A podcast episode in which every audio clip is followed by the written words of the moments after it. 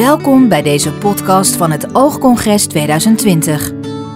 Emiel Cornelissen praat met oogartsen, onderzoekers en ervaringsdeskundigen over de laatste wetenschappelijke ontwikkelingen van verschillende oogaandoeningen en de oogheelkunde in het algemeen. In deze podcast gaat het over leeftijdgebonden makelaardegeneratie, een voedingssupplement die deze aandoening kan afremmen, maar vooral de rol die dit voedingssupplement kan betekenen voor corona. Ik ga hierover praten met Jan Keunen, tot voor kort hoogleraar oogheelkunde aan het Radboud UMC. En daarnaast zet hij zich in om vermijdbare blindheid te voorkomen. Laten we beginnen bij die leeftijdgebonden makelaardegeneratie, afgekort LMD. Wat is dat? Leeftijdsgebonden makelaardegeneratie is een slijtage van de gele vlek in het netvlies. En daardoor ga je slechter zien. En op oudere leeftijd komt dat in Nederland echt helaas heel veel voor. Ja, en weten we ook hoeveel? Uh, de exacte, nou het gaat om honderdduizenden mensen. Je hebt meteen een goede vraag te pakken, want in Nederland hebben we geen registratie van aantallen patiënten. Dus we, de, er zijn wel onderzoeken gedaan. Het gaat om honderdduizenden patiënten, maar de exacte aantallen weten we in 2020 gewoon nog niet. Oké, maar die zijn, dus er zijn eigenlijk überhaupt geen getallen van bekend. Dus echt geregistreerd mensen die dit hebben, uh, die zijn er niet. Ja, vreemd hè? Want uh, ook als je onderzoek doet, wil je gewoon precies weten hoeveel patiënten je hebt met een bepaalde aandoening. En dat weten we in Nederland niet. De tweede gast in deze podcast is Erik van Kuik. Nadat hij in Nijmegen zijn studie medicijnen had afgerond, ging hij naar Amerika, waar hij de opleiding tot oogarts heeft gevolgd. Inmiddels is hij werkzaam als oogarts en onderzoeker aan de Universiteit van Minnesota. Samen met professor Alan Bird uit Londen hebben ze in juni 2020 een editorial geschreven dat is gepubliceerd in het toonaangevende American Journal of Ophthalmology, oftewel het Amerikaans tijdschrift voor oogheelkunde.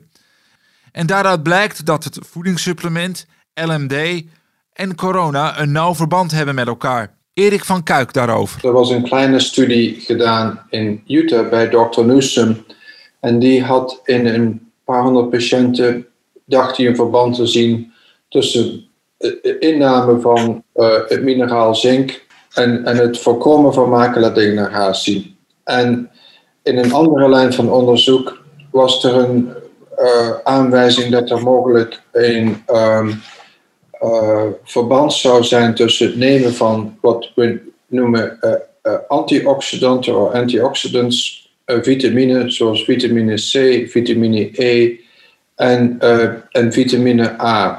En toen heeft het, uh, het National Eye Institute, soms ook ons Nationaal Ogeninstituut in Amerika, heeft toen een studie opgezet waarin vier groepen zaten van ongeveer 1200 uh, eh, patiënten, waarin één groep niets kreeg, een pil waar niets in zat. Eén groep kreeg een pil met zink, een andere groep kreeg een pil met zink en, die, uh, en de vitamine. En dan een, een, de laatste groep kreeg alleen de vitamine. Dus we hadden vier groepen. En daar bleek uit dat de groep die uh, alleen zink gebruikte, een sterke vermindering had van de toename van leeftijdsgebonden makelaardegeneratie. Maar het meest effectief was de combinatie van de zink en de vitamine. En dat is, uh, die studie heette de Age-Related Eye Disease Study. Dat wordt vaak afgekort als EREDS. En, en daaruit is dan het, het voedingssupplement uh, Formule 1 uh, eh, is daar um, uit voortgekomen. En uh, daar, die studie laat zien dat mensen die dat gebruiken een, een vermindering van 25% hebben in de toename van, van leeftijdsgebonden makelaardegeneratie. Je kunt het ook anders zeggen. Zeggen over, het, over een periode van uh, eh, 20 jaar stel je dan uh, uh, ernstig visumverlies uit met, met 5 jaar. En dat is een van de weinige studies die een, een, laat ik zeggen, een positief effect heeft laten zien van antioxidant vitamines en het, het, zou ik zeggen, het, het, het, het um, verminderen van toename van een ziekte. Ja, dus eigenlijk de, die combinatie van de vitamine en de zink, daarvan is dus nu gebleken dat ze dat uh, proces van, dat, van die makelaardegeneratie kunnen vertragen. Uitstekend geformuleerd. Klopt. Ja, Die combinatie wordt dat nu veelvuldig eh, toegepast bij mensen met leeftijdsgebonden makelaardegeneratie? In Nederland zeer zeker. En eh, ik denk ook in Amerika, Erik. ja die wordt veel toegepast. Er zat één, eh, er zat één, eh, was één probleem mee. Een van de vitaminen was vitamine A. Dat werd gegeven in de vorm van beta-carotene. En het bleek dat mensen die rookten, dat die dan een, een toename van longkanker kunnen krijgen als die veel beta-carotene gebruiken. Dat is ook weer een, een, een thema voor een andere podcast. En toen hebben ze een tweede studie gedaan, ERETS 2, waarbij ze dat beta-carotene vervangen hebben door de, de twee vitaminen die in de gele vlek zitten, luteïne en zeaxanthine. En dat is dan nu de tweede ERETS-formule. En die bestaat dus uit zink, vitamine C, vitamine E en de luteïne en zeaxanthine. Ja, ik, ik wil even voor de duidelijkheid dan nu toch, want nu gaan we, al, gaan we toch een aantal dingen naast elkaar zetten. Wordt het misschien toch iets ingewikkeld. Dus ik wil eventjes eh, concreet maken, wel, over welke van de twee hebben we nu het meest? Die eerste of die tweede? ARETS 2. Nee, ARETS 2 wordt dus in Nederland eh, aan heel veel patiënten eigenlijk min of meer, kun je wel zeggen, standaard voorgeschreven. Mits ze een gevorderde vorm van leeftijdsgebonden makelaardegeneratie hebben. En mensen met het beginstadium, daar wordt het nog niet aangegeven. Waarom niet? Omdat het effect in het beginstadium niet echt aangetoond is. Het, het, het onderzoek is altijd gedaan bij mensen met gevorderde maculadegeneratie. En het advies aan mensen die een niet gevorderd stadium hebben, is om gewoon erg goed op hun voeding te letten. En vooral te zorgen dat ze eh, bijvoorbeeld veel donkergroene bladgroenten binnenkrijgen. Ja, want daar zit zink in. Nou ja, en ook luteïne en zeaxanthine waar Erik het En zink zit vooral in kip, in rundvlees en in het spinazie waar ik het al over had. Maar ook heel veel in eh, cashewnoten en in asperges en oesters. Oké, want eh, dat is leuk als je veel vlees eet, eh, zou ik altijd denken. Maar als je vegetariër bent, zul je toch gewoon op een andere manier dan aan je zink moeten komen. Ja, dan moet je havermout met cashewnoten gebruiken. En, eh, en het, het zit heel erg veel zink in asperges en oesters. Maar dat is natuurlijk niet wat dagelijks op het menu staat. Eh, nou nee, ik, bij mij niet. Ik weet niet hoe dat bij, bij een van jullie zit. Maar de oester staat niet vaak op het menu. Nee, eigenlijk gewoon niet. Ook niet. Maar een enorme bron van zink. In het begin van maart eh, is er een artikel gepubliceerd in Science eh, dat ehm, mijn eh, laboratoriumassistent had gevonden, omdat wij onderzoek doen naar de rol van zink in makelaardegeneratie in, in, in mijn laboratorium. Die schreven dat eh, zink het inbrengen van het eh, COVID-virus eh, in de cel tegenhoudt. Het virus komt de cel binnen via een bloeddrukreceptor en die heet de ACE2-receptor of Angiotensin Converting Enzyme 2, eh, ECE. En het blijkt nou dat zink effectief is om het virus tegen te houden, zodat het virus niet in de cel, eh, in, in, in de cel kan komen. En het zijn dan namelijk de cellen van het epithelium van, van de longen, van de darmen, maar ook eh, houdt eh, het, het virus tegen in de nieren en in het hart. En we hebben dus nu geleerd het afgelopen jaar dat de meeste patiënten dus ernstig ziek ehm, worden eh, omdat het virus dus, dus de longen aanvalt, het hart, de nieren en de darmen en, en sommige patiënten meerdere organen. En zink houdt, houdt dus, ehm eh, ze, blokkeert eh, de, die, die eh, ACE2-receptor om, om het virus kan dan niet de cel binnenkomen. Dus je kunt wel, om duidelijk te maken, je kunt wel als je zink neemt geïnfecteerd, maar je wordt er dan niet ziek van. Je, wordt niet, je hoeft niet in het ziekenhuis opgenomen eh, eh, te worden. Althans, dat, dat blijkt uit de, laat zeggen, uit, uit de gegevens die we nu aan het verzamelen zijn. Met andere woorden, als je zink ge- gebruikt in je ARED-formule en je bent makelaardegeneratiepatiënt, je gebruikt die ARED-formule, dan krijg je flink veel zink binnen.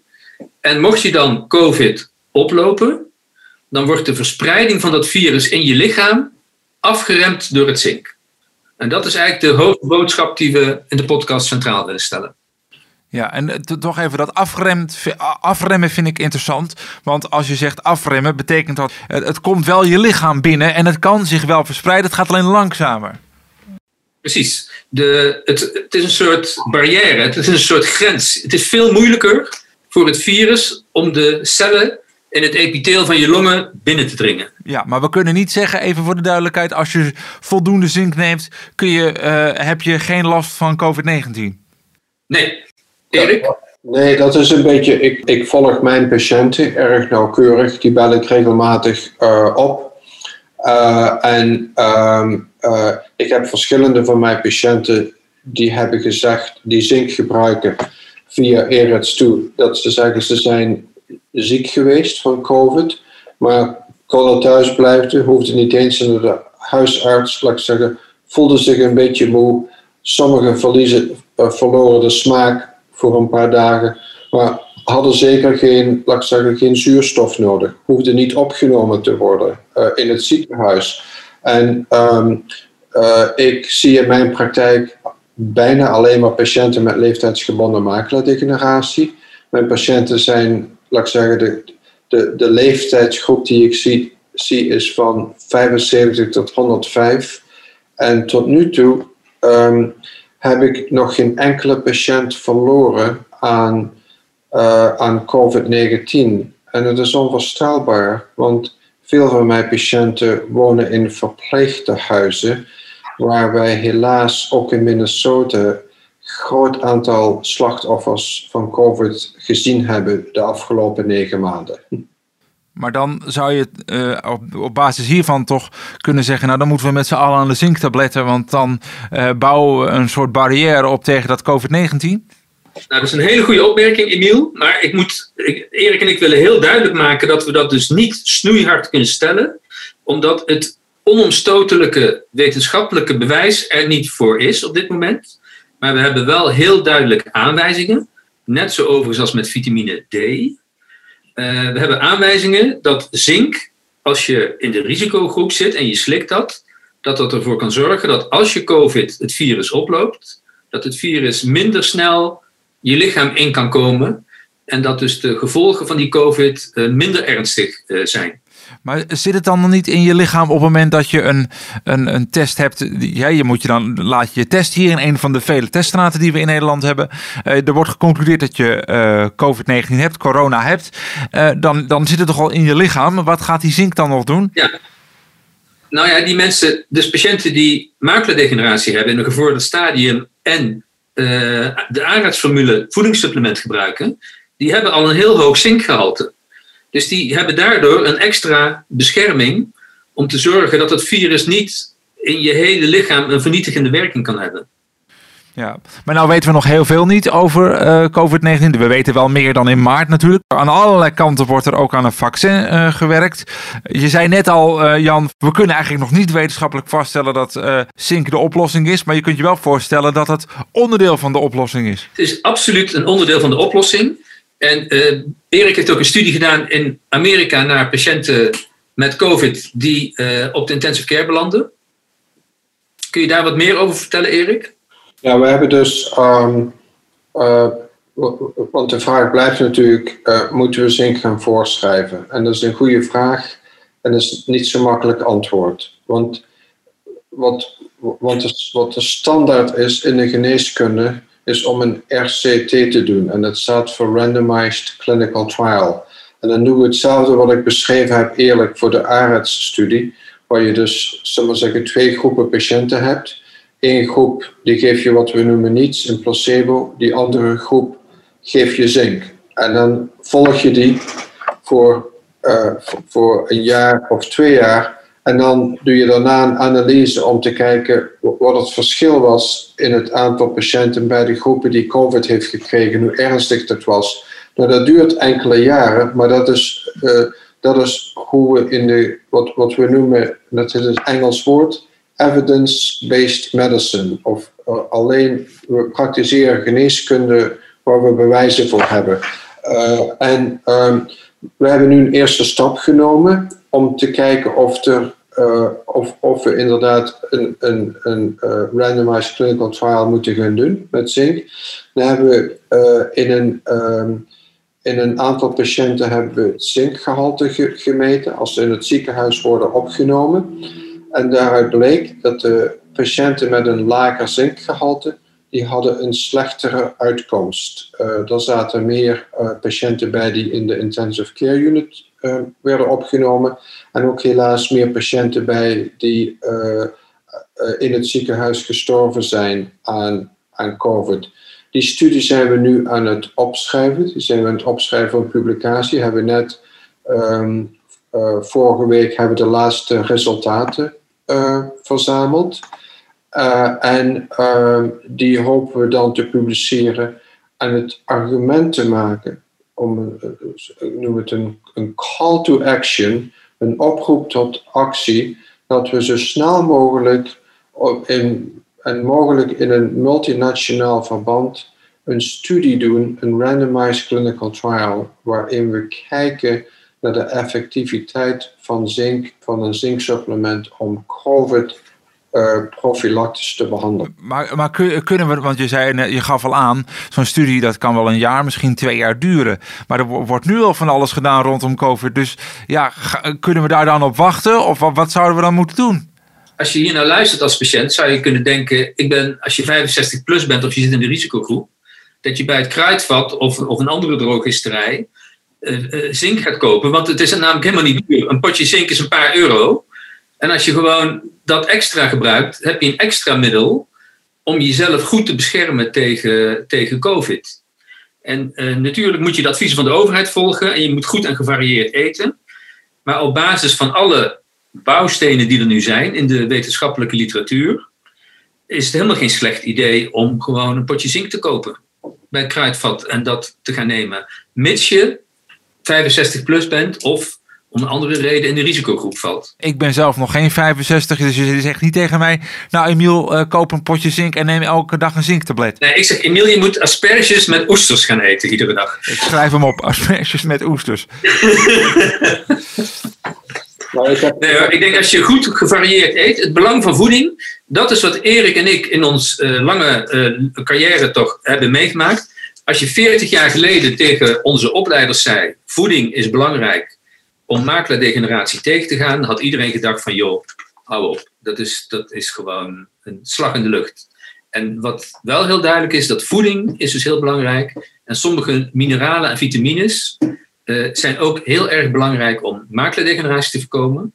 En kunnen je ook helpen om je extra te beschermen tegen COVID. Zoals zink en ook vitamine D. Dat zit verbonden aan het, aan het, aan het, soort aan het basiswetenschappelijke mechanisme en, en wat nu uniek is aan zink, kijk, als je kijkt hoe de moleculen zich in het lichaam en met name in de cel bewegen, dan blijkt dus dat uh, COVID-19 alleen uh, schadelijk kan zijn als het in de cel komt, in het epithelium van de longen, uh, van het hart, van de nieren en van de darmen. En wat nu uniek is aan zink, uh, is dat, um, dat zink dus het, uh, het intreden van het virus in de cel tegenhoudt. En dat is, um, als je kijkt naar alle risicogroepen van patiënten waarvan we zeggen die zijn gevoelig voor COVID, dat zijn patiënten uh, met overgewicht, patiënten met diabetes,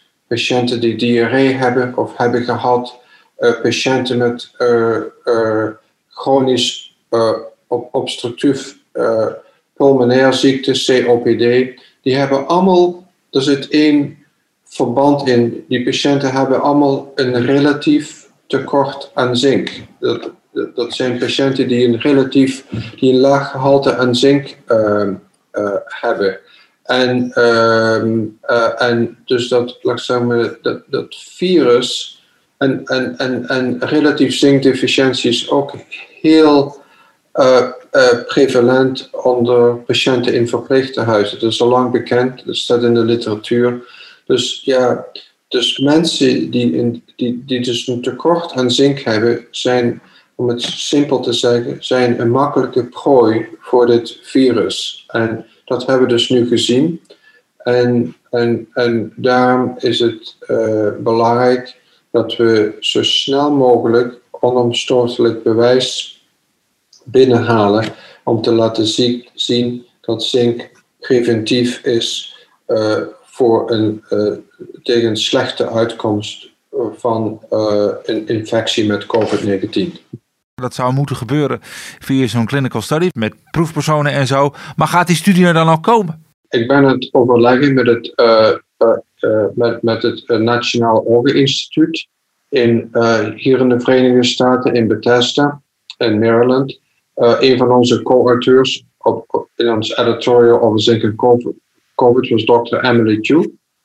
Dr. Chu was de ze, was de hoofdauteur van, van de uh, ERETS 2-studie.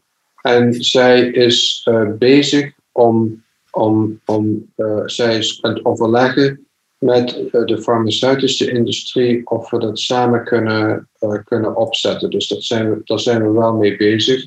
Maar moet dan ook, zoals altijd, moet geld voorkomen voor zo'n studie. Dus het heeft toch even, helaas even tijd nodig. Daar zijn we wel mee bezig. Overleg is daarover begonnen om zijn studie zo snel mogelijk op te, op te zetten. Wij hopen als we ons, onze, onze publicatie die we nu aan het schrijven zijn gaan publiceren, ga ik ook in de conclusies uh, zetten dat zo snel mogelijk studies gedaan moeten worden. Dit soort studies kan ook in andere landen gebeuren, kan in samenwerking gebeuren. Hoe dan ook, uh, ik denk uh, ja, zoals we, als we zeggen hier, time is of, of the essence. Hoe sneller, hoe beter. Dat lijkt mij dus ook. Dus ik bedoel, ik, ik heb nog nooit een dergelijke studie uitgevoerd. Zal ik ook niet gaan doen, uh, vrees ik. Maar uh, je zou toch zeggen, dit is zo'n belangrijk onderwerp. Men is hier over de hele wereld zo mee bezig. Dit, dit moet nog liever uh, gisteren dan, dan vandaag moet hiermee begonnen worden, toch? Ja, het is ook, ik denk, um, Emiel, ik denk dat het ook een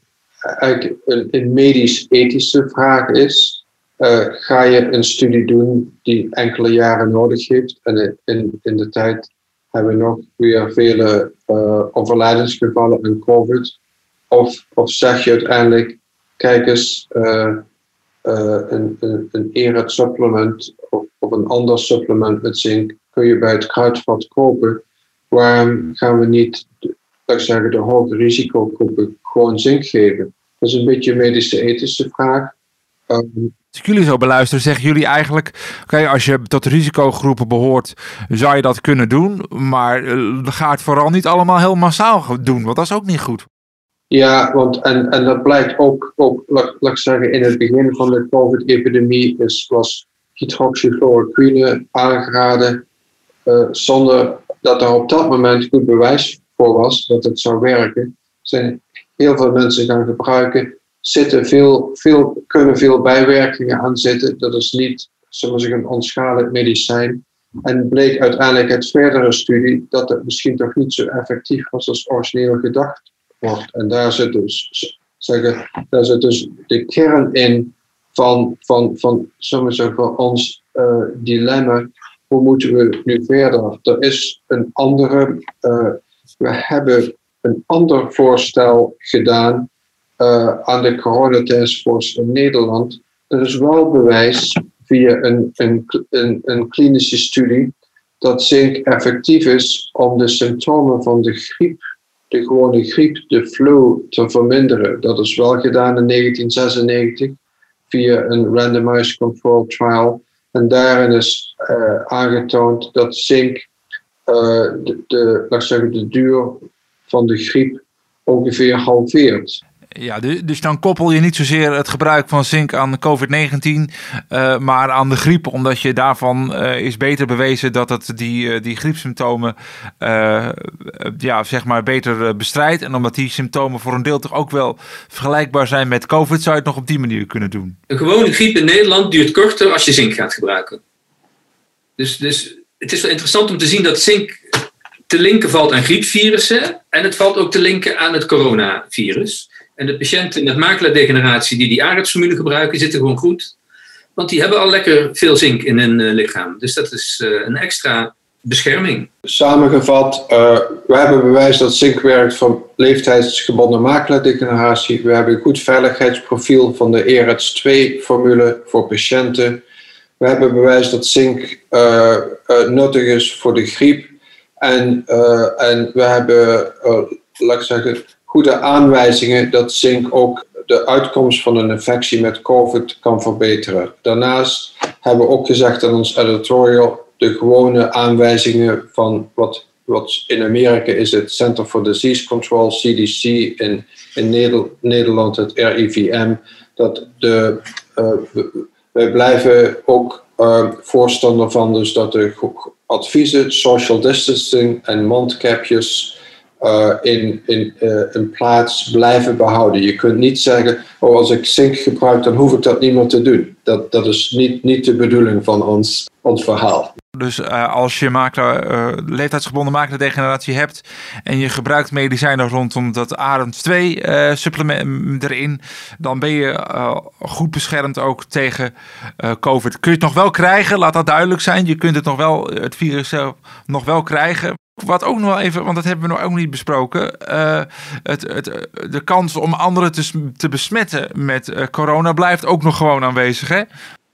Ja, absoluut. Absoluut. Nee, dus echt, de adviezen van de overheid moet je blijven opvolgen. En uh, als dokter kan ik ook zeggen, als je ook in het verleden kijkt, het is ontzettend belangrijk om die adviezen gewoon op te volgen.